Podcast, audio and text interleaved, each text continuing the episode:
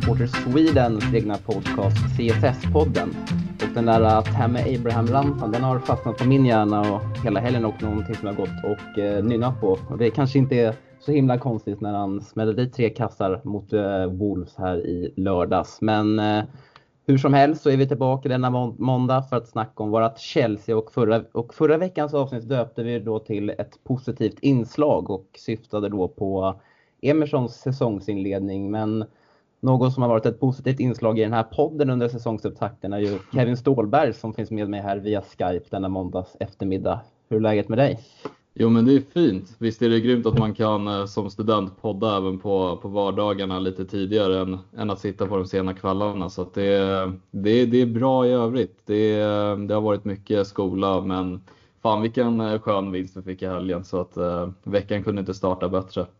Nej, jag håller med och då känns det lite extra kul på, som lite grädde på moset att man kan spela in här redan klockan två som klockan är nu och eh, så slipper man sitta där hela kvällen sen och pilla och eh, mixa med, med det här. Men eh, ja, du blir ordentligt hyllad här inför varje avsnitt Kevin. Känner du alltså, känner att pressen ökar eller bara tar åt det här och använder det som positiv energi under inspelningen? Ja, nej, men det är väl klart man känner press. Man vill ju prestera bättre och bättre för varje avsnitt och det är klart att man alltid är tacksam för de fina orden av, av alla människor som hyllar en. Och det är ett jävla stort nöje att få göra det här och jag kommer fortsätta och pusha mig själv till att göra det bättre med, tillsammans med dig och även, eh, gäster, eh, även gäster som kommer vara med eh, under framtida avsnitt. Mm, ja, men grymt kul är det hur som helst att du är med oss på tåget. Men eh, vi har en bra agenda och vi ska börja då på matchen mot Wolverhampton i lördags där Chelsea stod för en stark bortaseger. Lampard valde inför matchen att byta spelsystem och vi ger er våran take på det hela. Vilka fördelar och vilka nackdelar vi tyckte att det gav. Hela fem mål framåt men samtidigt två insläppta bakåt. Vad gjorde Chelsea bra offensivt och varför kan man inte hålla nollan? Tre mål av Tammy Abraham och anfallaren går upp i delad skytteligaledning tillsammans med Manchester Citys Sergio Kun Agüero. Och som ni hör så finns det mycket att diskutera från helgens match innan vi tar tag i Champions League-premiären imorgon då spanska Valencia kommer på besök.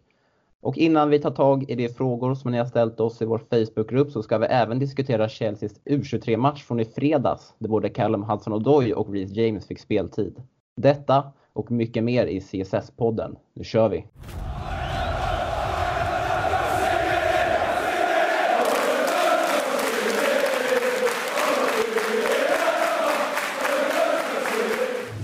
Chelsea tog sin första ligaseger borta mot Wolves sedan 2012 och då var det Frank Lampard som avgjorde den 89 matchminuten. I lördags var han tillbaka på Molineux och då blev det vinst igen för Chelsea. Och vi tänkte att vi ska gå igenom matchen i kronologisk ordning och börjar då såklart vid lag laguttagningen som fick en verkligen att höja på ögonbrynen. Eller vad säger du Kevin? Ja, nej, jag håller med. Vi satt ju förra veckans avsnitt och siade om vad vi trodde det skulle bli för laguppställning, men jag tror inte någon av oss var spot on överhuvudtaget, utan det blev en liten chockerande trebackslinje men eh, tycker att det fungerade bättre än vad, vad jag eh, kunde tänka mig innan jag såg eh, laguttagningen. Eh, och eh, kul också att Tomori får chansen igen och sicken, eh, sicken match han gör också. Mm. Ja, jag håller med. Och vi ska gå in lite här på, eh, på den här. Han ställer upp med en 3-4-3 eller en 3-4, eller vad säger jag, 3 vad blir det, 3-4-2-1. Ja, där det. istället och han, det är ju, vi har ju sett Lampard byta, skifta lite formationer där under försäsongen och här inledningen av säsongen, men det här kunde man ju inte förvänta sig. Och eh, vad tror du var anledningarna till detta? Jag tror, som han sa på presskonferensen också, att han ville inbringa en större trygghet i backlinjen. Vad jag fattar det som när han, eh, när han tolkade de här tre mittbackarna så var det mer att han ville ha en stabilitet i backlinjen. För vi har ju saknat rätt mycket stabilitet i inledningen mm. av säsongen. Um, sen tror jag också att han ville matcha Wolves uh, som, som brukar ställa upp med en trebackslinje på ett bättre sätt. Och jag tror också en fördel med detta är till exempel Alonso som vi nämnde tidigare är en fruktansvärt dålig vänsterback men som är en alltså, klippt och skuren vänster, alltså vänsterytterback eller wingback eller hur man ska säga. Mm. Uh, vilket vi även kunde se under matchen att han, han gör ju en jättebra match och uh, kammar hem en assist också. Så jag tror att det är nog en liten kombo med att kanske få en större trygghet med tre mittbackar. Vi hade ju Rydiger, Tomori, Christensen och alla gör ju enligt mig i alla fall, sina bästa matcher för säsongen. Nu har ju Rydiger bara spelat den här matchen med Christensen och Tomori var väldigt bra i den här matchen. Mm, jag, jag håller med och uh, Alonso har ju varit liksom den man skällde på rätt grovt under förra säsongen. Han fick spela en eh, ren ytterbacksroll i Sarris, i Sarris Chelsea. Men nu när som du säger, när han var tillbaka här som en eh, wingback, vilket ja, det, det där han är som bäst, så var han ju faktiskt riktigt bra. Mm. Och jag gillar även det som Frank Lampard också tillade där på presskonferensen att eh, rollerna för då Mount och William där som spelades, spelade tillsammans med Abraham, att, att, de, att de kunde ta sig in mer centralt i banan. Och eh, då fick jag tänka mig lite, då tänkte lite på det som Antonio Conte sa också under, e-, efter den här succésäsongen 16-17 när vi tog guld att i ett, eh, ja, men när man kör med en fembackslinje så är det ju wingbacksen som är yttrarna i, i, själva, i själva spelet och de där längre fram går in mer centralt i banan vilket gav verkligen effekt. För Lampard vill, han vill ju få in, han vill ju matcha Wolves eh, backlinje där med att få, e-, kunna få in både William och Mount mellan, mellan deras eh, wingback och, eh, och, de, och de centrala mittfältarna. Och det, det, och det får, ju, får ju betraktas som ett eh, genidrag så här i efterhand. Mm, nej, jag håller verkligen med och det visar också på den filosofin Lampard ändå har uttalat om att han vill att Chelsea ska vara ett anpassningsbart lag. Att vi inte mm. bara ska stå liksom med 4-2-3-1 eller 4-3-3 utan att vi ska kunna kliva över till en trebackslinje. Vi ska kunna skifta under matcher och vi kunde ju se att det var ju en 3-4-3 uppställning i start av matchen men att Mount blev lite mer central än vad kanske William blev som huserade mer på en kant. Men även om de båda drogs in i mitten så även under matchen skiftade vi ju väldigt mycket och jag tycker det var, alltså det gynnade verkligen många i, i, i uppställningen. Jag menar Jorginho och Kovacic tycker jag också gjorde en jättebra match och det, mm. de bar verkligen mittfältet på, på ett jättebra sätt och ja, Alonso bidrog med en assist. Jag tycker Aspilicueta även inte gjorde någon alltså, dålig match utan han var också riktigt duktig. Så att, äh, men det, det var verkligen en, gyms, en gynnsam eh, laguppställning. Och, eh, kul att se att man kan ändå ställa liksom om så snabbt och byta ett spelsystem och anpassa sig så snabbt. Mm. Om, om vi bortser därifrån, du nämnde att du var mycket nöjd med både Alonso och Aspelekueta, men vad, vad såg du av de övriga? Eh, tänk på de här tre mittbackarna med Rydiger i första halvlek och Tomori, Kristensen och sen Zuma då i andra halvlek. Vad såg du för skillnad där gentemot de tidigare matcherna under säsongen? Jag tycker, alltså först och främst, jag måste verkligen hylla Rydiger. Jag tycker att bara hans blotta närvaro inbringar en större pondus i laget och jag tycker mm. att han, det är någonting med hans kroppsspråk som, som, är, som är fantastiskt att se på plan. Hur han liksom så här, Alltså nu var det lite överarbetande situation från hans sida. Han kunde vinna bollen och ville göra någonting vettigt av den direkt efter istället för att kanske ta den enkla vägen och sjunga iväg den. Och det får man ju ha översikt med med tanke på deras första match nu på ett väldigt bra tag. Men jag tycker Rydiger såg väldigt fin ut när han, när han väl spelade och jag tycker Tomori också gör en väldigt stabil match och fantastiskt kul att se att han också kan bidra med en offensiv. Det var inte bara eh, målet i sig eh, eller eh, ja, tredje assisten till, till Mount innan Abraham smällde in den utan eh, Tomori tog ju ett par ruscher upp och liksom stabilt passningsspel och Kristensen tycker jag passar bra i en sån laguppställning där han inte kanske behöver ha så mycket bollansvar utan att han mer passar över bollen till Rydiger eller Tomori och så får han ligga i mitten och ligga rätt mm. hela tiden. Det passar honom mycket bättre. Mm, ja, jag håller med. Jag tycker också man såg en stor skillnad också i själva rollen som Tomori hade om man jämför med den matchen som mot Sheffield United när han, när var delaktig i en tvåbackslinje, när, när, när han, han bildade mittbackspar med enda Zuma där. Det var mm. alltså, man såg att, att eh, det var en extra mittback där och i, detta, i den här matchen så var det ju Tomori som gick, som gick upp i press mycket tidigare och inte behövde bry sig om så mycket om att han lämnade rejäla ytor bakom sig. Och man såg ju också upprinnelsen till 2-0 målet där och han, alltså hur, hur han också som du var inne där på att han kunde släppa lös lite och gå framåt och verkligen vara med i speluppbyggnaden. Så det var ju, mm. det var ju verkligen jackpot här för Frank Lampard. Mm, ja, jag tänkte bara flika in också, det som är väldigt kul att se i den här backlinjen är till exempel att Rydiger, jag tycker han bidrar mycket med pondus och styrka och liksom ändå rutin till en rätt orutinerad backlinje medan Christensen är den mer stabila och placeringssäkra och Tomori var kanske den som hade ja, bäst offensiv och passningsspel. Så jag tycker de här tre kompletterade varandra väldigt bra under matchens gång också. Att alla tre styrkor framhävdes verkligen under matchen. Tror du att det var en spaning från, Lamp, eh, från Lampard där innan att de här tre passar bäst ihop och det var därför Zuma lämnades utanför? Alltså mycket möjligt för att Zuma, man kan tycka mycket om Zuma. Att vi, har, vi har pratat om att han kanske inte har det bästa, pass, bästa passningsspelet och så. Och jag, hade jag varit Lampard i hans skor den här matchen och valt en trebackslinje hade jag nog också gått på de här tre gubbarna för jag tycker att som sagt de kompletterar varandra väldigt bra. Ehm, mm. Sen tror jag att eh, man såg ju när Zuma klev in att det blev ju lite mer skakigare eh, och jag tror att Zuma är lite mer en, en, en mittback för en två, alltså två mittbackar medan de tre nämnda är lite mer kanske tryggare med en trebackslinje. Men Rydiger spelade ju under Conte eh, som, eh, i en trebackslinje och Zuma vad jag fattar som han har ju spelat i Chelsea, Sanet igen och Stoke och Everton. Alla har ju spelat egentligen med eh, eh, två mittbackar. Om, ja, nu kanske han även spelade någon match eh, som, i en trebackslinje men jag tycker de här tre passar, passar lite bättre i det. Mm. Och även en som lämnades utanför var lite förvånad och fick inte ens hoppa in i någon match var ju Pulisic. Mm. Varför tror du inte att han kom med? Tror du att, för jag tänkte att, är det, vilas han mot Valencia eller? Ja, jag, alltså jag tror inte man ska dra för stora reflektioner över det hela utan man får ju tänka också att eh, han hade ett inhopp mot United och sen har han ju startat resten av matcherna och nu satt han på kvisten den här matchen. Och det kan ju vara en kombination med att han, det är som jag sagt tidigare, han, jag tycker inte han har presterat superduper mycket när han har väl fått spela. Och så får vi ha i åtanke också att vi, vi hade ju den här matchen nu i helgen. Vi har match mot eh, Valencia i Champions League. Sen har vi även en match mot Liverpool som kommer. Eh, mm. Så att det, jag tror att det kan vara rotation också, vilket är väldigt viktigt att vi utnyttjar. Nu har inte vi den bredaste truppen med alla skador, men eh, ja, alltså jag tycker lite tråkigt att man inte fick se Pulisic, men jag kan ändå förstå beslutet. Och det baserar jag mycket på att jag tycker själv att han inte har varit superbra när han har fått spela, men förhoppningsvis kanske han höjer sig mot nu Valencia. Sen också en sista grej att han har ju varit på landslagsuppdrag eh, på andra sidan kontinenten. Det tar ju säkert på krafterna också flyga fram och tillbaka och spela mycket matcher och spela för landslaget och så vidare. Så att kan vara, kan vara att han bara helt enkelt ville vila honom den här matchen.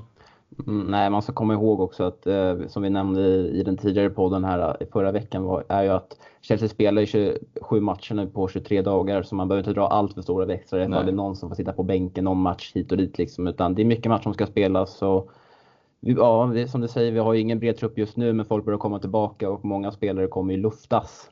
Så man behöver inte dra allt för stora växlar där. Men jag känner också nu, det känns som att det, innan vi bara drar igång här och börjar prata om själva, om vi ska gå igenom in första halvlek, så bara, det känns otroligt skönt nu att, att det är igång igen. För att jag tänker, jag alltid tyckt att de första matcherna i inledningen av säsongen, de här ja, fem, fyra, fem första som brukar vara innan det här officiella landslagsuppehållet, mm. i början på september. Det känns bara som uppvärmning och att det nu kommer igång på direkten med Europaspel och intensivt i Premier League och ligacupen den gången. Det är otroligt kul alltså. Det är, det är mycket matcher hela tiden.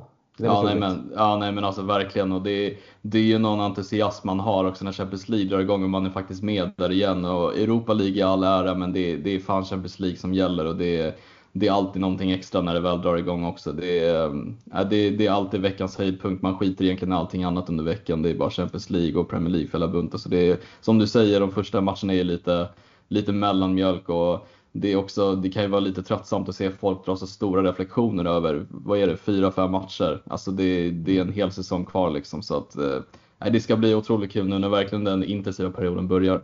Absolut, absolut. Och om vi ska gå in då på den första halvleken så tyckte jag i alla fall att fram till eh, Tomoris mål där i cirka 30 minuter att det var Ja, det känns som att lagen kände, kände mest på varandra och kom inte till några, till några ordentliga lägen, eller vad säger du?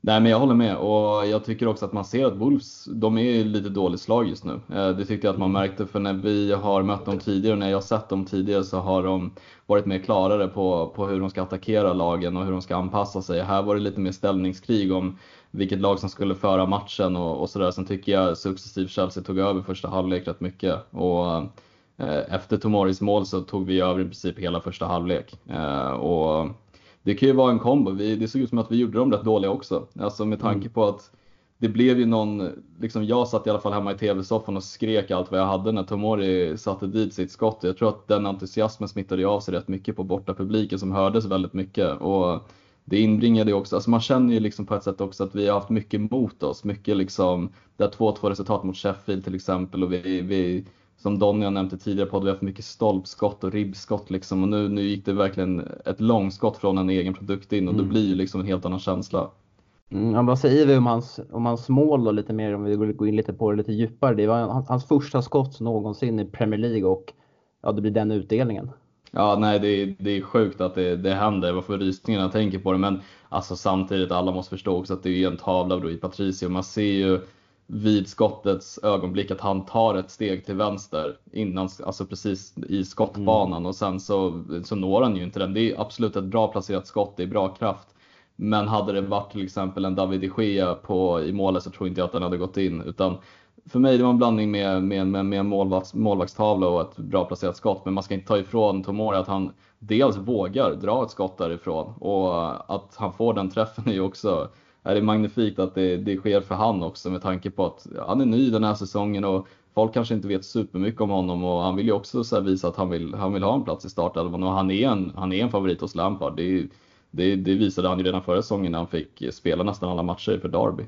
Mm. Har du sett, eller det här det målet från Tomori har rullat eh, på mina skärmar här rätt mm. frekvent under lördagskvällen och under söndagen. Har du sett på vad, alltså att Kovacic när han ser bollen går mot Tomori och han eh, och han ser att Tomori kommer kom, kom gå på skott där och kan bara så här, visar med händerna, ta det lugnt, ta det lugnt, ta det lugnt. Ja. och sen bara ser, ser bollbanan och sen bara sträcker de här händerna upp i skyarna. Jag tycker det, ja. det, ser, det, ser, lite roligt ut när man noterar det. Men ja. annars, är, annars är jag inne lite också på ditt spår där att eh, alltså jag vill ju absolut inte, absolut inte ta ifrån någonting från mm. Tomori där men alltså det, det är ju en liten målvaktsfavla och jag tror att hade det, alltså hade inte han tagit ja, det där snedsteget där på linjen i början så hade han ju tagit den utan problem. Men samtidigt så är det liksom så att det är en bra skruv på bollen och den går ju först mot det hörnet som eh, som eh, Rui Patricio tar steget innan den byter, innan, innan den skiftar då mot, eh, mot det andra hörnet. Så att det, det, det i, i, ena sekunden så, så, känner jag att det är lite så här, ja, men det är lite lite, ot eller lite oflyt där för Patricio men samtidigt så är det väldigt skickligt av Tomori också och det är ju ett riktigt drömmål oavsett, oavsett mm. Patricios ingripande på det.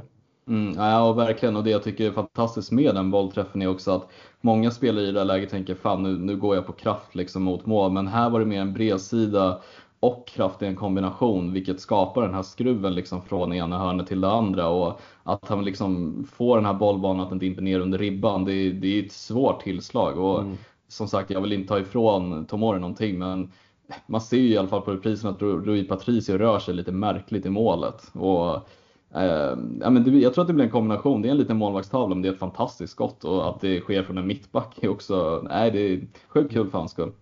Ja, fem mål skulle, skulle han ändå få släppa förbi sig Patricio och två, av, två till av dem kom under den första halvleken. Och då var det Tamme Abraham som stod för, för de båda och vad vi tar, vi tar eh, det första målet där vad, eh, vad har du att säga om det? Uh, nu måste jag tänka här. Det var nickmålet va? Nej, Nej det, det var passningen från Mount. Just det, just det. Uh, Nej men precis, och det, är, det är också upprinnelsen av Tomoris offensiv. Han, han tar ju en löpning med bollen, eh, vågar gå fram och hittar Mount och det blir något ihopslag och till sist jag Abraham bollen. Och det är också det är ett tecken på en, en, en anfallare som verkligen är i form. Alltså det, det liksom, hade det varit Morata i, eh, i ehm, februari månad så hade, det, hade han inte befunnit sig där eller skjutit den över utan allting ser så självklart ut nu för Abraham. Och det, det är ju det som är fantastiskt med anfallare att eh, de kan ju ha alla typer av attribut, attributer, alltså ifrån fysik och teknik. Men det är ju också speciellt med anfallare att de har den här killerinstinkten att hitta de här bollarna i boxen och vara på rätt ställe. Och, han visar ju verkligen vilken dunderform han är i nu. Mm. Ja, och eh, fastnade också verkligen för uppspelet där, eller ja, uppspelet från Tomori där att, att eh, det där hade jag ingen aning om att, han, att, om att han hade det i sig, att han kunde göra sådana saker. Men det kanske var där en liten eh, en anledning, att, eller no, någonting han kunde göra där efter, med tanke på hur laguppställningen såg ut. Men Frank Lampard sa efter matchen att han inte var förvånad utan det här har han sett eh, Tomori göra i Derby flera gånger. Mm. Ja, nej exakt. Och jag ska inte säga att jag visste det här också, men man har ju sett lite klipp på när han spelar i Derby att han, han är absolut inte rädd för att eh, ta fram bollen i banan och inte rädd för att sköta upp spel när han spelade i Derby. Så att, eh, det är klart man blir förvånad när han tar liksom den här 40 meter, eh, eller ja, vad det nu var, 30-40 meter när han bara driver upp bollen och liksom passar den ändå in i boxen. Det är en bra passning till Mount också får man inte glömma. Det är liksom ja, Som borde ha straff där ifall Ja men precis. Och det, ser, och det ser man ju på, jag, jag, tror man ser lite på domaren också att han är lite tveksam och väntar till situationen är överspelad. Jag tror VAR hade nog klivit in i bilden också om det är så att Abraham inte hade fått bollen eller missat eller dylikt. Men eh, Nej men kudos till, till Lampard som ändå har sett det här i honom och att han mm. troligtvis har väl nämnt det för honom att våga liksom och det, han vågade verkligen. Absolut, absolut. Och man börjar se glimtar nu om varför Tomori blev Darbys bästa spelare under förra säsongen. I alla fall man ser sett till, sett till den här matchen. Mm. Eh, men eh, även 3-0 där kom innan, eh, innan, innan halvtidsvisslan och jag tänkte vi ska gå in på målen lite mer på, på Edmunds mål lite mer detaljerat senare. Utan, eh, och jag vill bara konstatera här, eller vad säger du om att Wolves bara hade, de hade bara ett avslut mot mål under första halvleken och det kom i, under tilläggstid där i 46 tror jag Jiménez hade en nick som gick, som gick, som gick över ribban. Och mm. det, är liksom, det känns ju som då att eh, den här spelformationen som Lampard ställde upp från början, den verkligen chockade Wolves. Alltså de, de, de kunde inte luckra upp Chelsea sen, de var väldigt, de var väldigt tajta centrala defensiv. Ja, nej men verkligen och det visade ju, alltså det var ju inte bara Wolves som var chockade utan även vi var ju chockade över det här spelsystemet och ja men det är precis som du säger, jag tror att det, det gjorde dem lite paffa och hur de ska hantera hela situationen för det blev ju Grejen är ju när man spelar med en 3-5-3 eller, eller 3-4-3 eller 3-5-2 eller dylikt, det är ju att man får en så pass stor bredd på planen med ytterbackar som är väldigt breda och två liksom inre anfallare bakom den centrala anfallaren vilket skapar liksom att man får en, eh, vad ska man säga, ett bredare spelfält liksom med att ytterbackarna står mycket högre, man kan liksom stöta mycket högre upp och då har man alltid en central back bakom sig som kan täcka upp om det skulle ske någonting. Och man såg verkligen att de, de hade svårt att hantera det. Ehm, mm. Och det visade ju också att vi var ju efter målet rätt överlägsna i första halvlek. Vi, man får ju också säga att vi var väldigt effektiva, allting gick ju med oss. Abraham var på rätt ställe och eh, Tomoris avslut, det, det är liksom det gick verkligen vår väg i första halvlek. Mm, ja, jag håller med. Statistiken, alltså, när man, när man bara smakar lite på det. Alltså, de fick, fick iväg ett skott mot mål under hela halvleken och det kom på övertid. Alltså, det visar egentligen bara vilken kontroll Chelsea ändå hade på matchen trots det här ställningskriget som de var inne på eh, i början av matchen. Och samtidigt som vi gör tre mål så, bara, så är det liksom verkligen eh, Chelsea som kontrollerar matchen helt och hållet. Eh, mm. Men jag tänkte innan vi rör oss vidare mot den andra halvleken så är det någonting annat du vill tillägga om den första? Någon spelare som du tyckte stack ut? Eh, alltså om man får vara sån och säga sticka ut en negativ benämning. Absolut, absolut. Så kan jag tycka att jag förstår att folk har uppat Williams insats den här matchen och även Lampard gjorde det på presskonferensen men jag kan helt ärligt talat inte se det folk ser i Williams insats för att jag tycker bara hela hans kroppsspråk får mig att bli lite irriterad. Liksom att han väldigt mycket slår ut med armarna. Han hade otroligt många felpass i första halvlek. Och det är jättebra att han öppnar ytor för folk, men för mig är det också så här, bär du nummer 10, du heter William och du har varit i Chelsea så här många säsonger så ska du göra skillnad och inte öppna ytor för andra. Assard kunde öppna ytor men även göra skillnad. Och nu ska inte jag jämföra William och Assards kvalitet på planen för att Assard alltid, kommer alltid vara en bättre spelare men jag bara hade svårt att se Williams alltså prestation, att det skulle vara någon jättebra insats av William. Det tycker jag verkligen inte. Jag tycker det fanns många andra på planen som överglänste honom. Jo, alltså jag tycker att det här var klart Williams bästa insats eh, under hela säsongen. För han har ärligt talat sett väldigt loj ut eh, mm. i de inledande matcherna. Men jag är också faktiskt lite inne på ditt spår, för jag tycker att han gör mycket bra på plan. Eh, mm. Men så länge inte det leder till någonting så, så tycker jag så, så, så försvinner det han gör, han gör innan. Det, det försvinner mm. helt bort från mig. Tänkte så här, ja, okej okay, om, man drar tre, om, man, om man drar tre spelare på mittplan och sen kommer och sen så slår ett inlägg eller går på avslut. Om, om den här slutprodukten inte finns där, då raderas allt som man gjort tidigare. Mm. Och, och, jag menar då liksom inte att ja, men, i allt han gör så måste det komma poäng, utan det här kan gå att applicera på alla spelare i laget. Men framförallt William också under den första halvleken så tycker jag, tycker jag också att han gjorde mycket saker bra, men det, men det renderade inte något bra. Det skapade inga stora målchanser. Man ser hans, alltså hans avslut. Han tog, jag tror han tog ett avslut bra läge. Han, han hade ett annat alternativ att passa in till Mount som tog relativt fri, mm. men väljer istället att dra den eh, den gick väl några meter över där samtidigt som att hans Alltså hans inlägg, alltså han gör det bra ända fram, fram till det avgörande momentet. Hans inlägg, alltså Alltså det går ju bara på bordspelare eller förbi, eller förbi resterande och jag tycker riktigt inte att han får ut någonting i, i, i, i sitt beslutsfattande. Alltså den sista...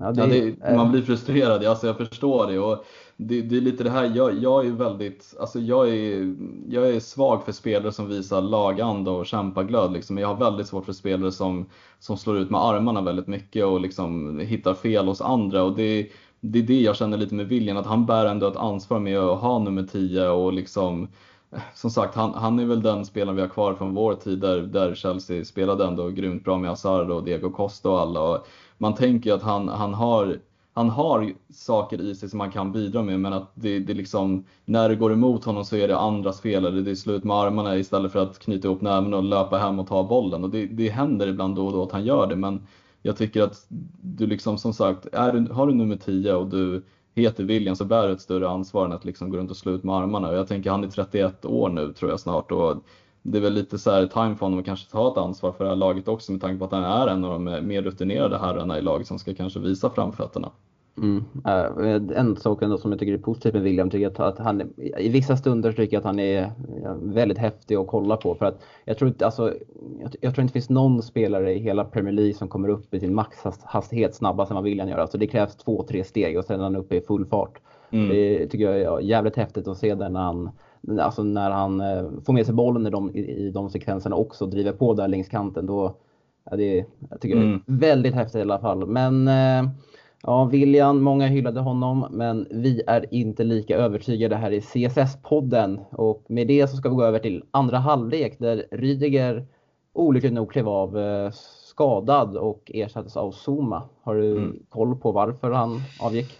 Jo men eh, sa han inte någonting på presskonferensen om att det skulle handla om någon hamstring tror jag? Eller alltså det var att han... Nej, ljumskada. Ljumskada, just det. Och det var jag fattade som när Lampard förklarade var att han skulle gå utanför planen och hade då halkat till. Eh, mm. sen vet jag inte inom vilket tillfälle det var, om det var mitt i halvleken eller om man ska ta ett inkast, men att han hade då halkat till och liksom, inte sträckt liksom ljumsken, för det vet jag inte om han har gjort, men hade känt av någonting efter.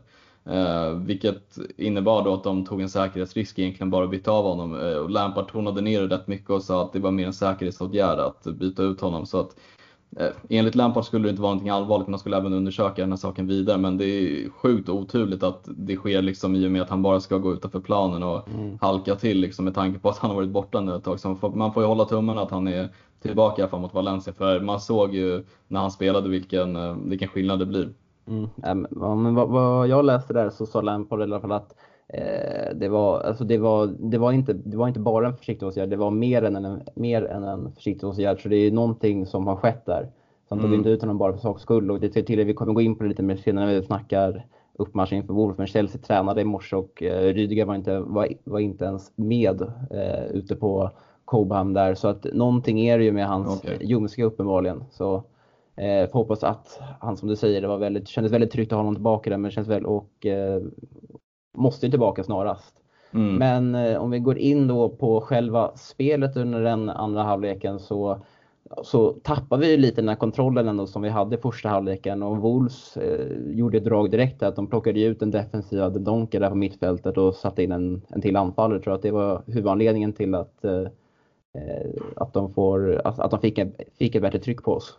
Ja, nej, men så är det ju och det är klart att Chelsea blir bekväma när man går in med 3-0 i halvlek. Då är det ju klart att man man känner ju kanske inte det där största behovet av att kanske attackera ännu mer, även om vi till sist gjorde fler mål. Men eh, det är ju klart att de får större tryck med tanke på att trycket ligger ju på dem när de har en, en 0-3 baken på hemmaplan. Liksom. Så att eh, man förstår varför det blev större tryck från deras sida. Sen tycker jag att vi, vi måste bli bättre på att hantera våra ledningar. Det är ju många gånger vi tappar liksom, ja, ta bara Sheffield-matchen då som ett exempel när vi eh, ledde med 2-0 och tappade till 2-2. Så att det, det här är ju verkligen något, ett problem och det har ju varit ett problem hela säsongen att vi, vi måste kunna hitta ett fungerande sätt att bibehålla våra ledningar och se mer stabila ut.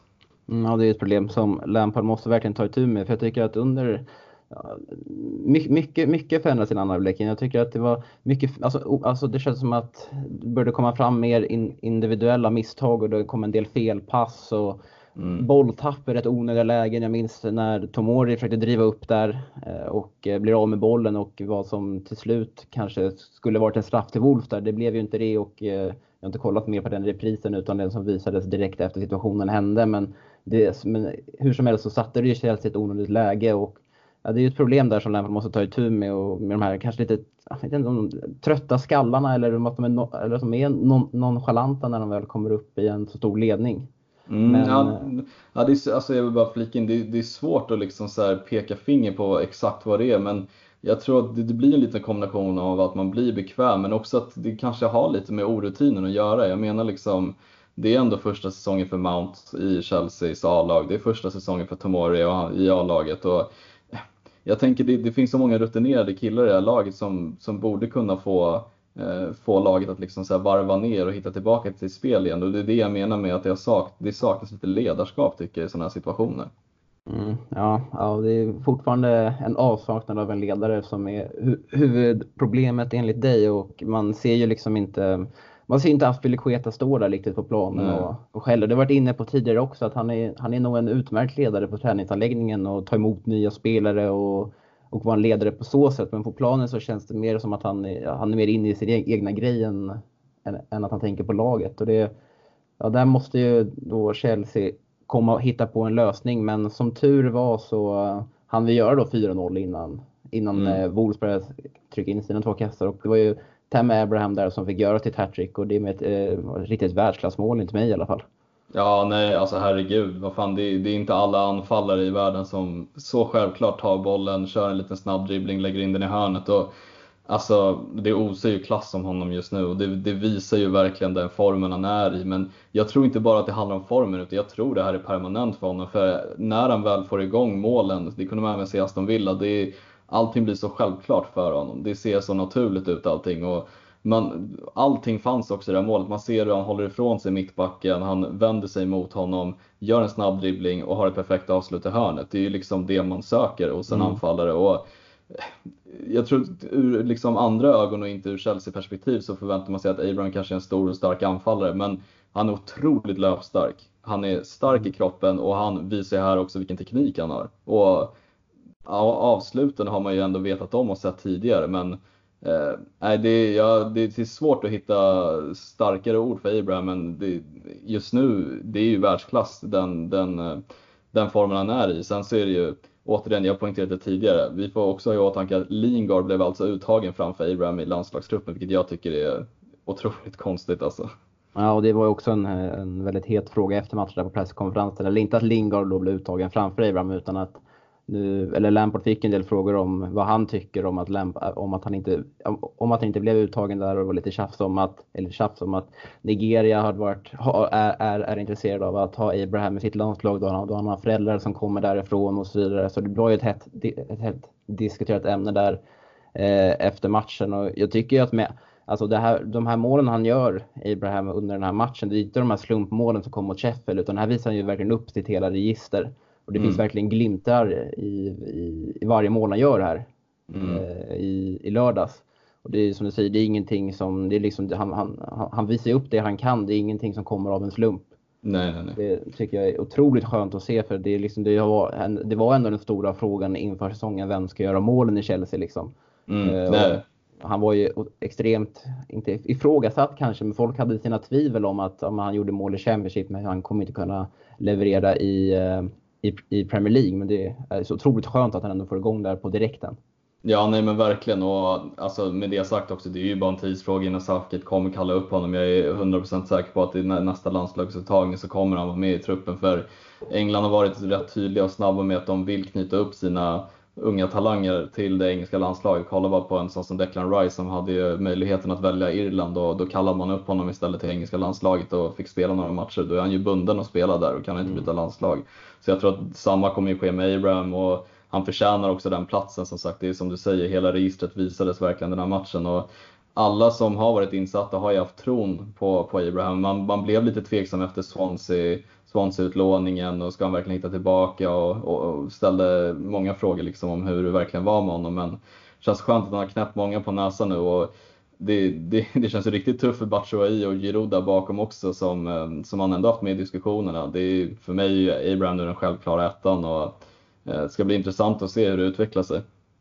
Ja, samma här, men eh, efter hans mål här så kommer de här, och det här onödiga 4-1 målet och 4-2 målet. Och det första målet att Wolves gör känns väl ändå som att Kepa ska ha va? Ja, alltså summering av båda målen är för mig Kepa.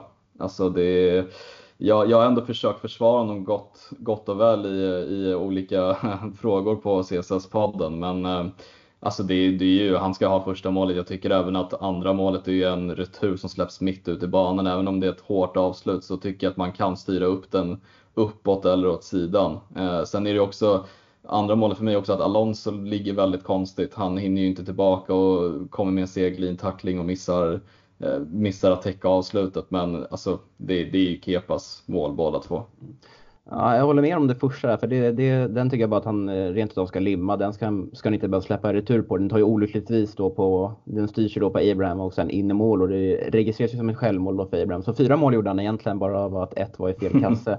Men det andra kan jag tycka, visst man kan absolut ifrågasätta hans insats där, men jag tycker framförallt att det är de glömt bort exakt på vilka spelare det var, men det är två spelare som står, och, som står och sover framför honom för att man ska ändå komma ihåg att det skottet som Dockert ändå trycker av där är väldigt hårt och det, det är ändå, trots att den är mitt på, så är det ändå en, en reflexräddning av Kepa enligt mitt tycke. Och mm. Jag tycker mer man kan lägga skuld på, jag tror, minns inte vilka det var, men det kan vara Christensen och Tomori har jag för mig. Ja, jag tror också att det var det. Mm, jag tror som står och sover och låter Cutrone där bara glida emellan och bara dunka in den.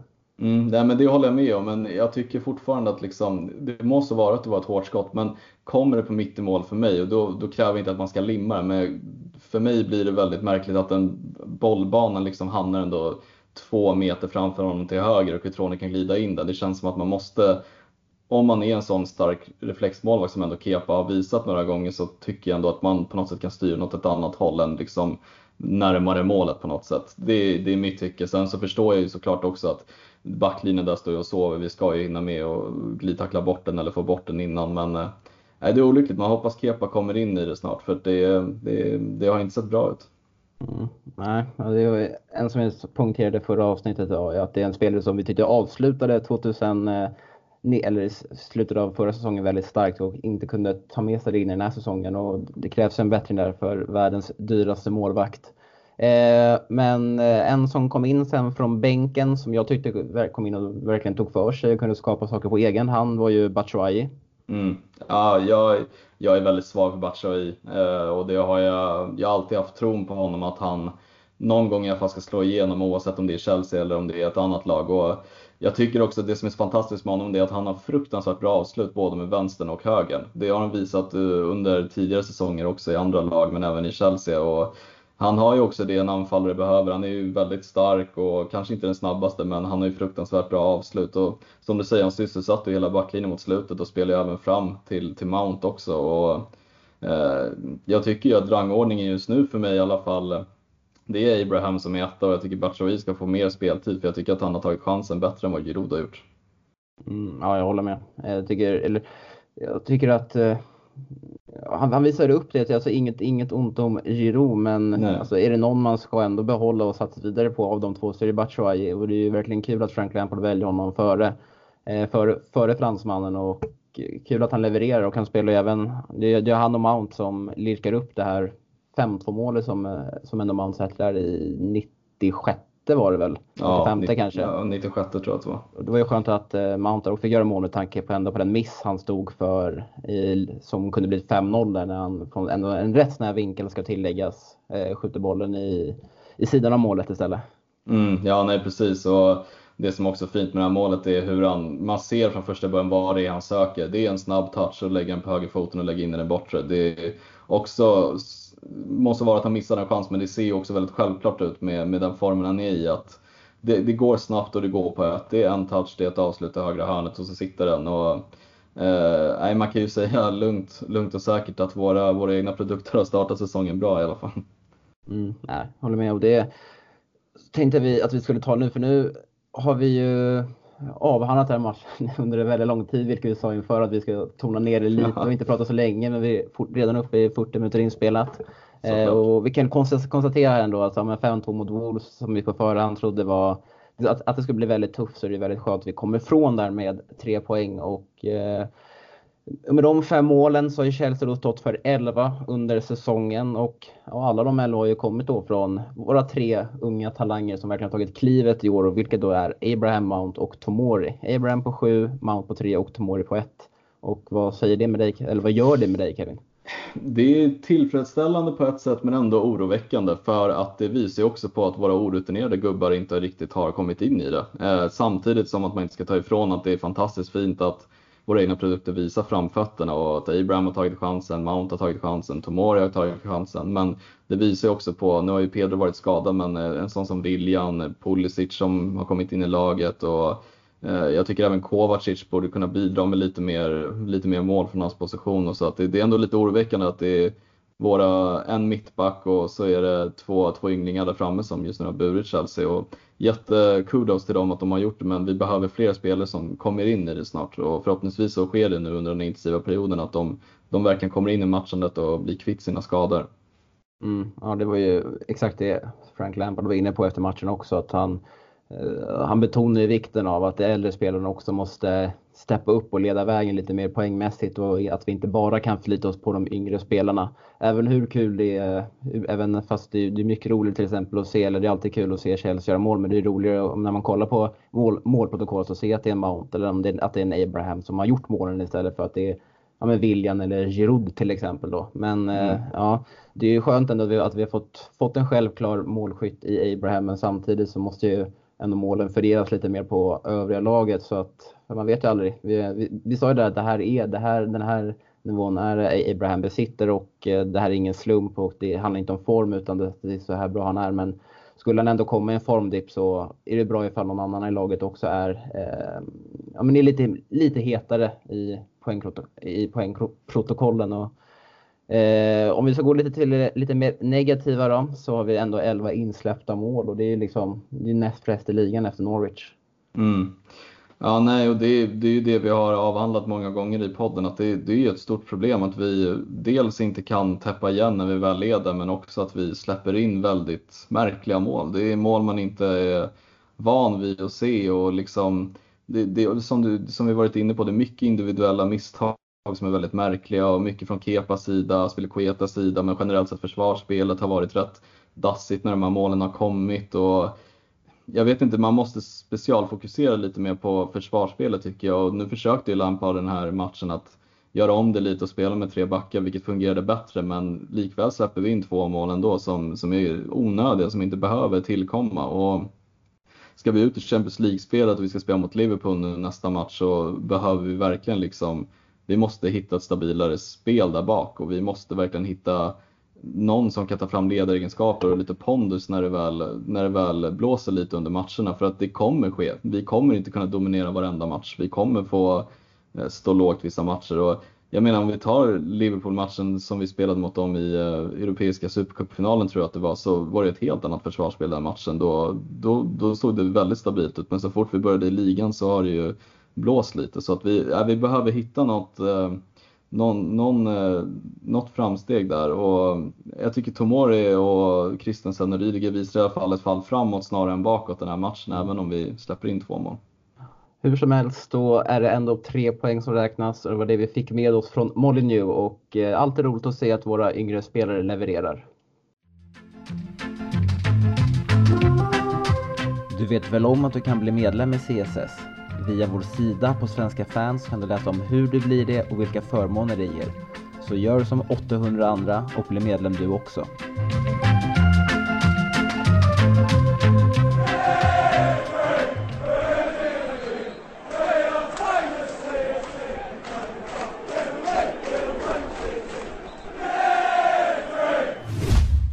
Imorgon tisdag så går Chelsea återigen in i Champions League då man eh, möter Valencia på hemmaplan och eh, som vi konstaterade när vi snackade upp våra, de andra lagen i, eh, i, i vår grupp så, så har vi tagit oss i final båda gångerna.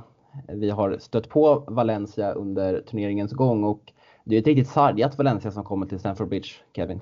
Ja, nej, men det stämmer ju. De har ju haft ett tränarskifte nu och haft mycket strul i klubben med Peter Lim som är deras, eh, jag vet inte om det är han som är ägare av klubben. Och det har ju varit struligt ett längre tag. Det var ju redan förra året blåste det rätt rejält med allt som hade med Jorge Mendes, då, den här superagenten, att göra och Peter Lim och sportchefen där var oense om vilka värvningar som skulle komma in eller inte. Och resultaten har ju inte gått med Valencia i början av den här säsongen så att uh, Marcelino fick ju sparken efter tre matcher tror jag att det var nu, tre eller fyra matcher. Mm. Och Alberto Celades har ju tagit över nu. Och Valencia är en sån klubb som det har stormat om eh, rätt, rätt länge så att det här är nog inte någonting ovanligt för dem. Men man ska dock inte underskatta dem. Det är, det är ett eh, erkänt bra lag i storturneringar och på en bra dag så slår de eller spelar jämnt med Real Madrid eller Barcelona i ligan och Atletico. Så att, äh, äh, det, det, vi får se hur det, hur det går. Det är svårt att veta vart man har Valencia.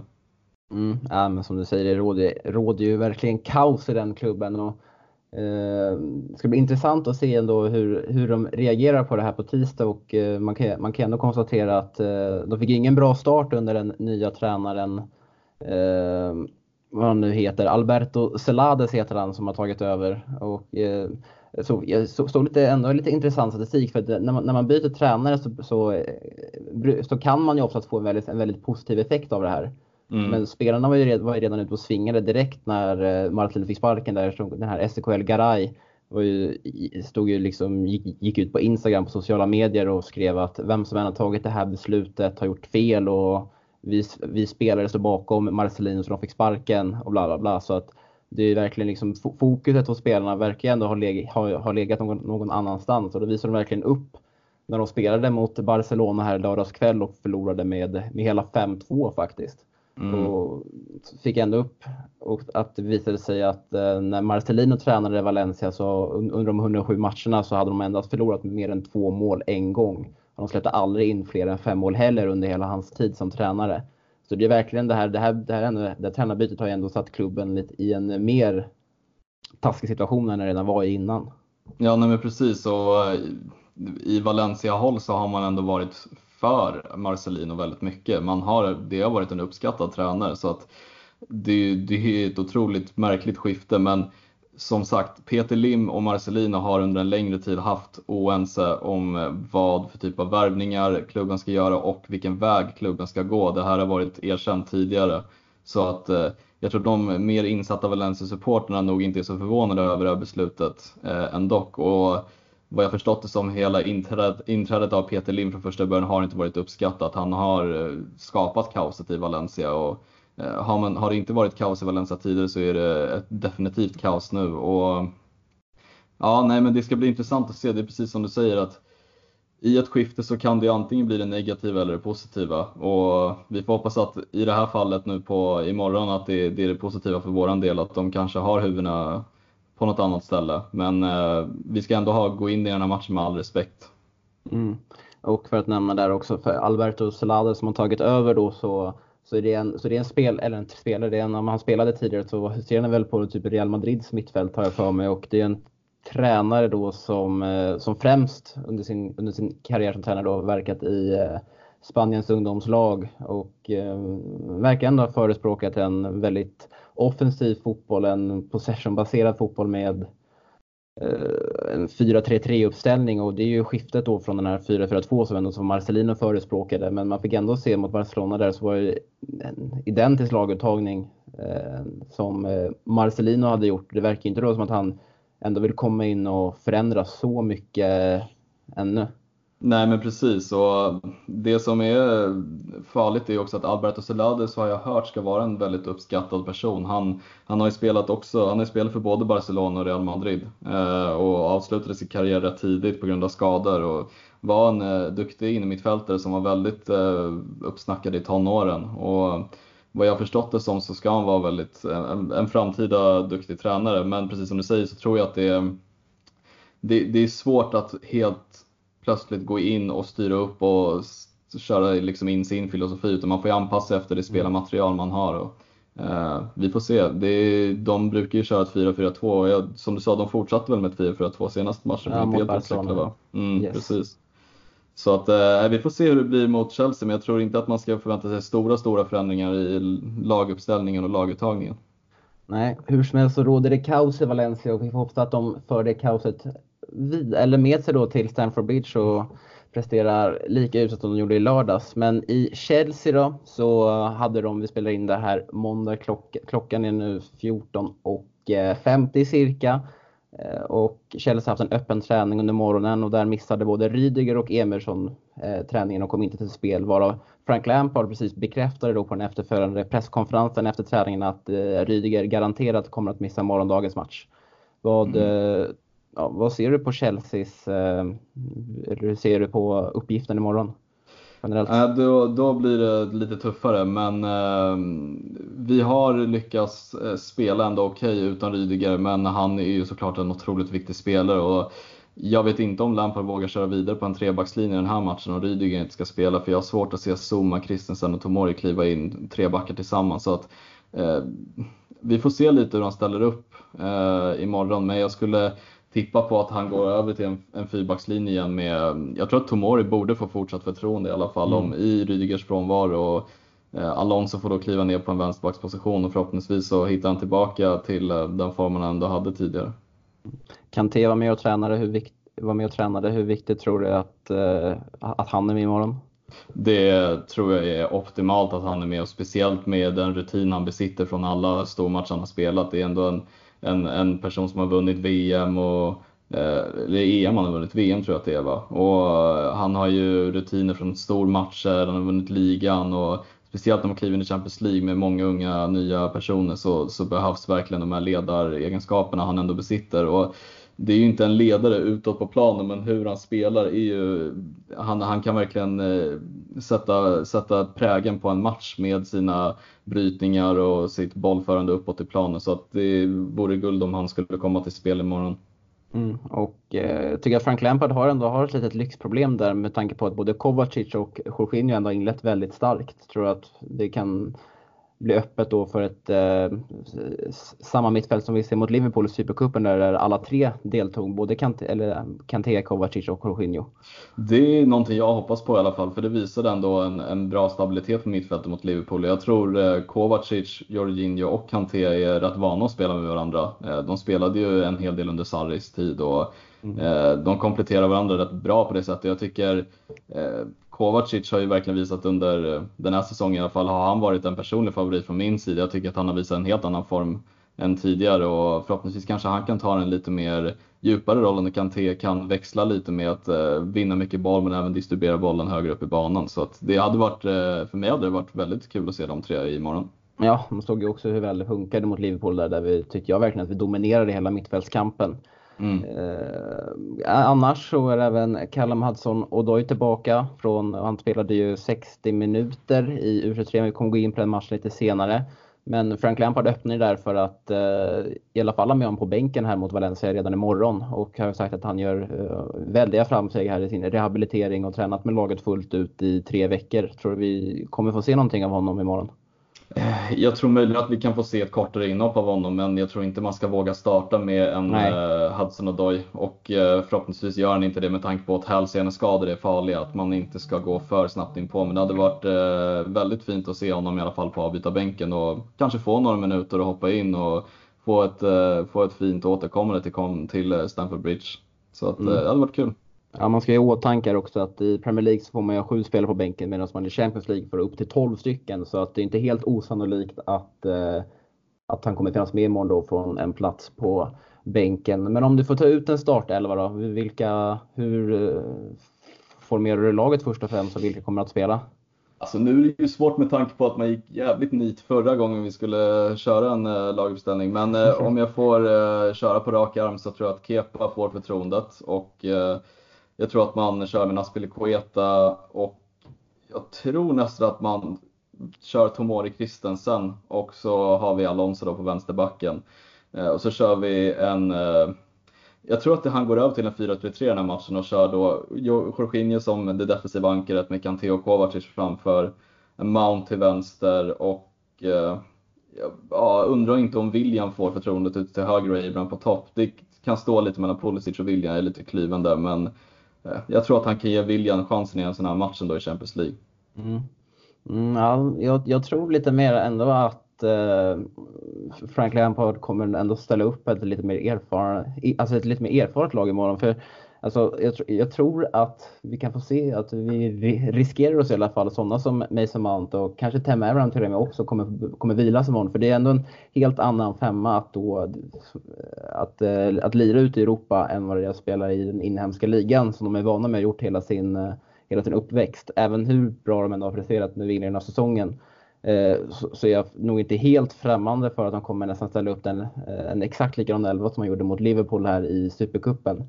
Mm. Eh, och samtidigt då som man har i åtanke att det är mycket matchande, matchande nu så att kan ändå vara en bra, en bra match att, att vila en Mason Mount till exempel. Mm. Eh, och kanske spela då med, ja, men, släng in en Pedro till på hans position och en, kanske en Batshuayi eller en Giroud framför Abraham. Mm. Eh, jag tror att han kommer det är det jag tror att han, att han kan göra imorgon Lampard och ställa upp med en Aspelekueta, Zuma Christensen och en Alonso eh, i backlinjen. Och sen tror jag också att om Kanté är fit så blir det Kovacic, Kanté och Jorginho där. Mm. och sen en Pulisic ute till höger. Giroud och sen eh, en Pedro. Alternativt, jag är lite kluven där mellan Batshuayi och Giroud. Där känns det som att det kan vara lite 50-50. Mm. Men eh, samtidigt så vet vi att Giroud ändå bidrar med den här erfarenheten och smäller ändå in 11 mål i Europa League förra säsongen. Mm. Tror du att de kommer gå över till en 4-2-3-1 eller en 4-3-3? Då blir det en 4-3-3. Med mm. Kovacic, Kanté och Jorginho där lite sittande med Kanté lite mer framskjuten roll ändå. Mm. Eh, tror jag och det tror jag ändå skulle vara, det hade jag godtagit i alla fall. Ja, gud ja. Vi får se vem som har mest rätt imorgon. Det var ingen av oss som var nära senast. Nej, den såg man ju verkligen inte komma. Men hur som helst så är det avspark imorgon klockan 21.00 på Stamford Bridge i mötet mot Valencia. Eh, och om vi ska rikta blickarna lite längre, längre neråt i leden så har ju eh, U23 spelat mot Brighton i fredags där både Reece James och Callum Hudson-Odoi gjorde sina första minuter efter sina skador och en sån som Callum Hudson-Doy fick 60 minuter och Reece James 45. Och den förstnämnde där bidrog ju även med en assist. Men trots deras insats så var det ju inte de som du var mest imponerad av eftersom av den andra halvleken som du tog del av åtminstone. Nej, exakt. Jag blev väldigt förälskad i en, en högerback på Chelseas backlinje som heter Tarek Lamptey som är Nej, han såg fruktansvärt intressant ut. Sen vet jag inte hur långt det kan räcka, men det är en, en liten, liten nätt herre på, ja, han kan inte varit superlång. Jag har försökt söka lite, lite information om honom, men jag har inte fått fram någon längd. Men han kan inte ha varit längre än 1,65, 66, 67. Och, nej, han var ruskigt, ruskigt snabb och besatte en fantastiskt fin, eh, vad ska man säga, lite så här mässig balans. Det är svårt att tackla till honom för det var som att han, eh, han var så himla nära liksom eh, marken så att han inte riktigt faller och fruktansvärd acceleration. Så jag tyckte att jag som ändå, jag har ändå hyfsat koll på development squad men uh, Terry Lamptey har jag inte riktigt sett tidigare men det var, det var kul att se. Han överglänste i alla fall enligt mig både Reece James och Hudson Odoys inträde i den här matchen även om Hudson-Odoy såg väldigt intressant ut. Ja, vad säger du lite mer om av, av det du såg av Hudson och Reece James insats? Eh, jag hann ju tyvärr inte se så mycket av Reece James. Jag kom in i andra halvlek där, jag såg lite highlights. Men i Hudson Odoys eh, inträde i, i, eh, matchen så jag tycker att han, eh, han såg spännande ut. Han rörde sig över stora ytor och gick, till skillnad kanske från eh, tidigare när vi såg Hudson Odoy under Sarri, så gick han mycket mer inåt i banan och ville ha mycket mer boll. Och, ville visa kanske att han, är, att han har lite mer erfarenhet från A-laget och tog mycket ansvar. Sen så, det är klart man ser att han är lite machotränare och tappar lite boll, lite felpassningar men det är ju ändå accelerationen och skottet och han tog en frispark som gick precis, eh, jag tror att målvakten räddade precis vid kryssribban och man ser att det är, det är en spelare som är en klass över de här spelarna och han såg väldigt intressant ut men jag tror att det, man måste också ha respekt för att det, det, en, det var en allvarlig skada han åkte på. Det tar nog ett tag innan han kommer upp i i tempo igen. Men eh, de 60 minuter jag såg kan ju bara båda gott i alla fall för framtiden. Sen, jag har ju lite svårt som sagt för spelare som visar en viss attityd. Jag tyckte även här att Sonodoi eh, fick inte passningar eh, som han ville och passade lite fel och slår ut med armarna och jobbar inte hem. Och, men jag hoppas att han knyter näven liksom och verkligen spelar för klubbmärket. Jo, jo men det vill du såklart se, men jag tror inte att det kan vara liksom också en om man applicerar det på viljan också, att det är deras, det kanske blir lite andra personer väl in på plan, lite vinnarskallar. Mm, ja men precis, det kan ju inbringa positiva grejer också med att man vill väldigt mycket men förhoppningsvis så är, nu kan inte jag riktigt tolka vad det är de säger på planen men förhoppningsvis så är det positiva grejer som kommer ut eh, av det här kanske gnället jag ser vid sidan och jag själv är en rätt gnällig person så att jag kanske stör mig bara lite mer på det än vad det, vad det är, gör en större grej av det. Förhoppningsvis så, så, så är de vinnarskallar och det, det tror jag att de är ändå inne i benmärgen. Ja, Eh, hur som helst så tror jag inte att vi, eller det är härligt att de, eh, alltså att de fick speltid där och kom in och ändå gjorde en bra insats. Men personligen tror jag inte att vi kommer få se dem från start, eller och då syftar vi då på Reece James och Hudson Doyle förrän vi tar emot Grimsby där ligacupen runt den 25-26 september var det väl. Mm, jag för 25, mig. 25, 25 där hemma på Stamford Bridge. Eh, och eh, kan ju bara avslutningsvis säga där att det går ju väldigt bra för vårt, vårt u generellt och de toppar tabellen med 11 poäng efter fem spelade matcher. Och det är alltid roligt.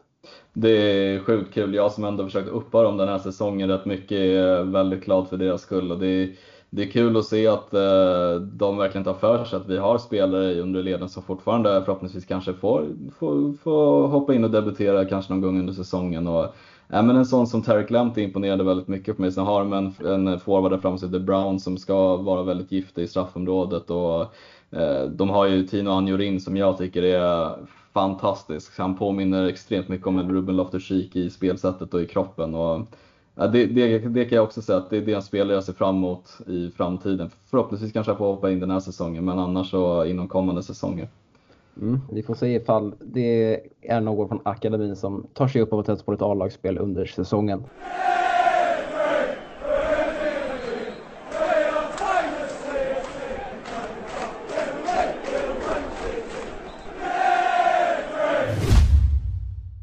Och som vanligt så har det kommit in en del frågor då på vår Facebookgrupp CSS-podden och är du inte med i den så kan du bli det genom att du bara går in på Facebook och söker då på CSS-podden så kommer du få svara på en, en enkel fråga innan Daniel Joanno kommer att godkänna dig in i gruppen. Och jag tänker att vi kastar oss direkt in i frågorna. Och då har vi en fråga från Kim Wallman här som skulle vilja leta, veta lite mer om de unga spelarna. Och eh, nämner då Tomor som ett alternativ. Och det är en spelare som vi har pratat mycket om i podden så vi kan ju, du, men du har ändå forskat lite extra om honom här Kevin. Så du kan mm. nämna lite kort om vad du, vad, vad du har fått fram. Ja, nej men absolut. Det är, det är en väldigt intressant spelare med intressant bakgrund. Eh, till att börja med, jag, jag, jag vågar försöka mig på hans namn, men hans fullständiga namn idag Olav Fikayomo Olav Demlola och ja, kallas Fikayo Tomori då. Och som man hör så är det ett afrikanskt namn. Så att han har ju nigerianska föräldrar men föddes i Calgary i Kanada men är uppvuxen i England. Så han har ju tre olika landslag att kunna representera. Han har ju fortfarande inte gjort A-lagsdebut för någon av dem. Och eh, intressant fakta, han spelade med Kanadas U20-lag, mötte England, var kapten då eh, och de vann med 2-1 mot England. Eh, lite intressant notering. Också att han fick göra sin debut redan 2016 i säsongens sista match mot Leicester då Gus Hiddink hade tagit över som caretaker han bytte, bytte med Ivanovic eh, redan i den 60 minuten där och då var han 18 år gammal så att han, han gjorde redan sin debut 2016. Mm. Ja, men det är intressant att veta. Mm. Eh, och många frågor har vi ju som i vanlig ordning då vi tänker ett lika här i gruppen och vi som sitter här och snackar. Eh, så har vi nämnt en del under poddens gång men vi har en som Josef Långberg här som undrar om den ungdomliga entusiasmen smittar av sig på läktaren. Ja, nej, men det tycker jag verkligen. Speciellt när man fick se Tomoris mål tycker jag att det, det var verkligen eufori från, från borta sektionen och jag tycker att så fort Mount eller Abraham har gjort mål så är det liksom som en extra glädje för deras skull. Och det blåser verkligen härliga vindar när våra ungdomar får göra mål så jag tycker definitivt att det smittar av sig. Eller har du känt likadant som jag eller? Ja, men jag tycker också det. Jag tycker det känns som att, men, in, verkligen inför, inför den här säsongen så känns det som att både klubb, alltså att hela klubben inklusive supportrar ändå har de har gått åt samma håll. De vet vilka, alltså alla har koll på vilka förutsättningar som gäller. Eh, att vi inte kan ändå ha allt för stora förväntningar med tanke på transferband. Vi har mycket ungt och nytt ska spelas in. Vi eh, eh, tar in en ny oerfaren tränare. Och det känns bara som att, och en, en tränare som är älskad av supporterna sedan tidigare, eftersom det är ju ändå vår meste målskytt. Så känns det ändå som att, att, att alla har slutit samman och det smittar sig självklart av sig på, på läktaren också. Så det är helt, helt med. Mm. Jag håller med. Eh, om vi ska ta den här då, som Kim Gustafsson här undrar vad för, eh, vad ska man ha för realistiska förväntningar på Champions League den här säsongen?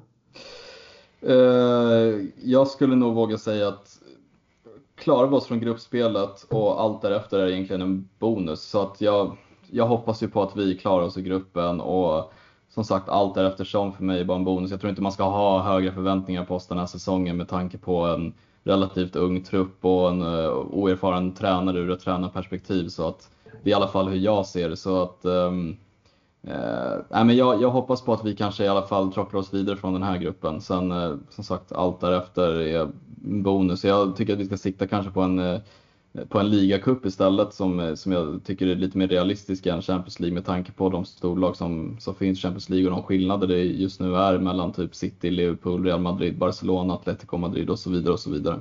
Mm. Ja, jag håller med också. Det känns som att grupp, tar vi gruppspelet så känns allting längre fram som en ren bonus. Sen så är det såklart eh, vilken lottning man får. Man kan liksom få ett lag som, bara, som Slavia Prag i åttondelen eller man kan få mm. Barcelona. Liksom. Det, det är liksom där man får också känna, kännas av lite om hur, eh, vilka förändringar man ställer sig inför just den eh, slutspelsmatchen. Men sen King Gustafsson lägger även till här i sin fråga att, eh, att, att, att han personligen inte tror att, han, att vi tar oss längre än eh, kvarten då våra försvarsspel inte matchar kvaliteten av Chelseas offensiv. Och där känner jag lite också typ som att alltså, ändå ju längre vi tar oss i turneringen desto större förväntningar tror jag att man kan ha. För det, för det är ändå ett nykomponerat lag och ju mer tid de får, sig, får på sig att spela in sig så, eh, så blir det bara bättre och bättre. Så vi får helt enkelt, man ska tänka att det här, det här eh, när åttondelsfinaler är igång, då är vi nere, då är vi redan framme i februari, februari månad och det är ju redan fem sex månader. Ett halvår nästan så att mycket, mycket kan förändras fram tills dess. Så att vi kanske står där som, eh, februari, kanske står där, ja, eller som favoriter att ta bucklan ja. för att vi har haft en otrolig säsong och, en, och eh, utveck, utdelningen på både Mount och Abraham och den bara fortsätter spikrakt uppåt, spikrakt uppåt. Så det vet man ju aldrig. Nej men gud ja, det var ju inte många som trodde på att vi skulle slå Barcelona eller slå Bayern München i finalen heller för den delen. Så att allting är såklart möjligt, men jag mm. ser allting som en bonus. Ja. Eh, sista frågan där då, kan vi nämna lite och, och håna lite, så är det Marcus Wahlgren som eh, tycker att David Luiz måste nämnas och, eh, och undrar om han fortfarande är en true blue fast i en röd tröja. Alltså, övergången i sig är för mig ett svek, men jag tycker att man ska ändå ha respekt för en spelare som har åstadkommit rätt mycket i Chelsea-tröjan. Eh, jag tycker att man kan håna honom i, i all ära och tycka att det är lite sorgligt hur hans start har sett ut eh, i Arsenals säsong. Eh, och det är klart att det är ett stort svek att han väljer att gå kanske till en eh, rivaliserande klubb i samma stad. Men jag är samtidigt inte så blåögd att jag tycker att man ska sitta och håna sönder honom för det, utan eh, det är också Arsenal-fansen tror inte jag heller stod med öppna armar och tog emot honom. De vet också vad han har för brister och jag tycker ändå att Louise har varit en, en, ändå en skön figur i omklädningsrummet och alltid utåt mot media och sett väldigt trevlig ut och varit väldigt trevlig. Och det är en väldigt fin person utanför fotbollsplanen så jag tycker inte att det är jag är inte en av de som kommer stå och snacka skit om honom utan jag, jag har all respekt för honom. Sen har inte jag kanske störst respekt för hans klubbval, det är en annan femma. Sen vet man inte heller i bakgrunden varför det har blivit så att det blev Arsenal och vad det är som har hänt egentligen. Ja, där är jag faktiskt helt emot det. Ja, alltså, det jag, ja, faktiskt, alltså, jag tycker att Alltså även vad han har gjort i sin, alltså vad han gjort i Chelsea och mycket och han har ändå bärgat en Champions League-titel så. Alltså att, att, lämna på ett, alltså på det sättet i Arsenal liksom i, alltså under transferfönstrets sista dag.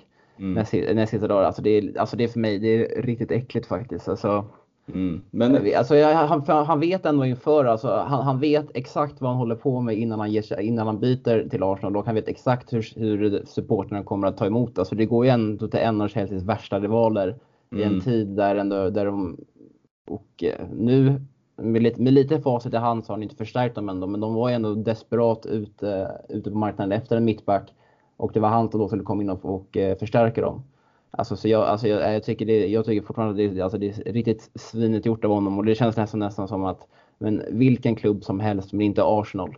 Men det har mm. vi även varit inne lite på också i den här podden att beroende på vem det är som, eh, som, eh, som pratar i den här podden så alla, man har ju lite sina personliga antagonister och Arsenal är för mig den klubb som jag ja, avskyr typ allra mest ja, i hela Premier League. Ja men exakt och det kan jag ha all förståelse för. Jag har ju lite mer hat emot Spurs till exempel och United i sin ära. Eh, sen så, jag håller fullständigt med om att just situationen och hur han lämnar det, det är inte okej okay och det är ett stort jävla svek. Men som person tycker jag David Luiz ändå har Alltså han har varit ändå en respektfull person i klubben. Sen hur han lämnar, ja nej det, det är fan inte okej okay, liksom. Eh, sen, sen undrar jag om det inte är något bakåt, alltså bakomliggande över hela situationen också. För att det känns otroligt märkligt att man sista dagen flyttar.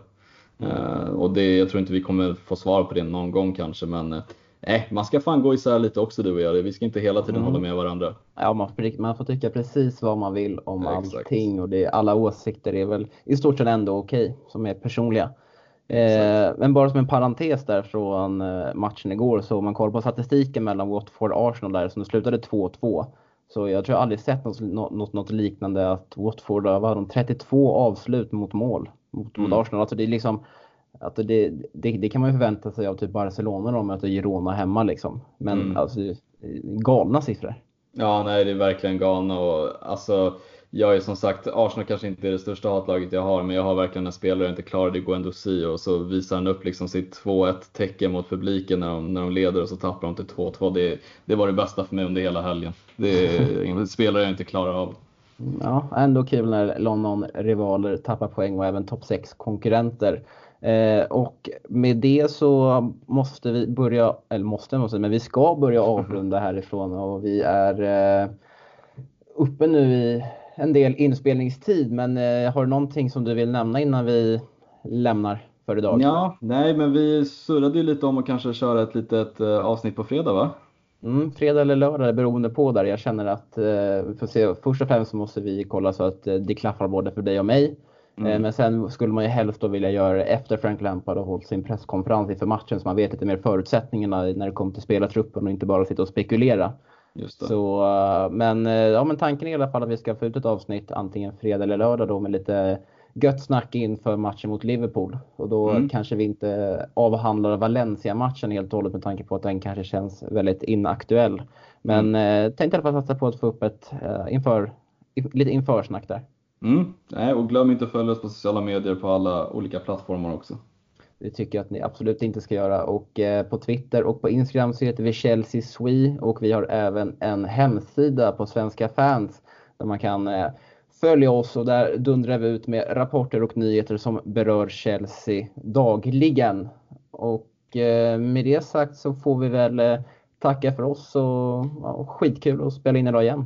Mm, nej men, eh, hoppas att det blir succé hos lyssnarna också den här gången. Så kommer vi ses igen snart. Ja, lämna gärna en kommentar i, eh, i kommentarsfältet där på Facebook vad ni tycker om det är någonting som ni, som ni inte håller med oss i eller någon, någon kritik eller bara allmänt feedback eller om ni håller med och ja, ge, lämna en kommentar så kan det bli en diskussion. Det är väldigt roligt.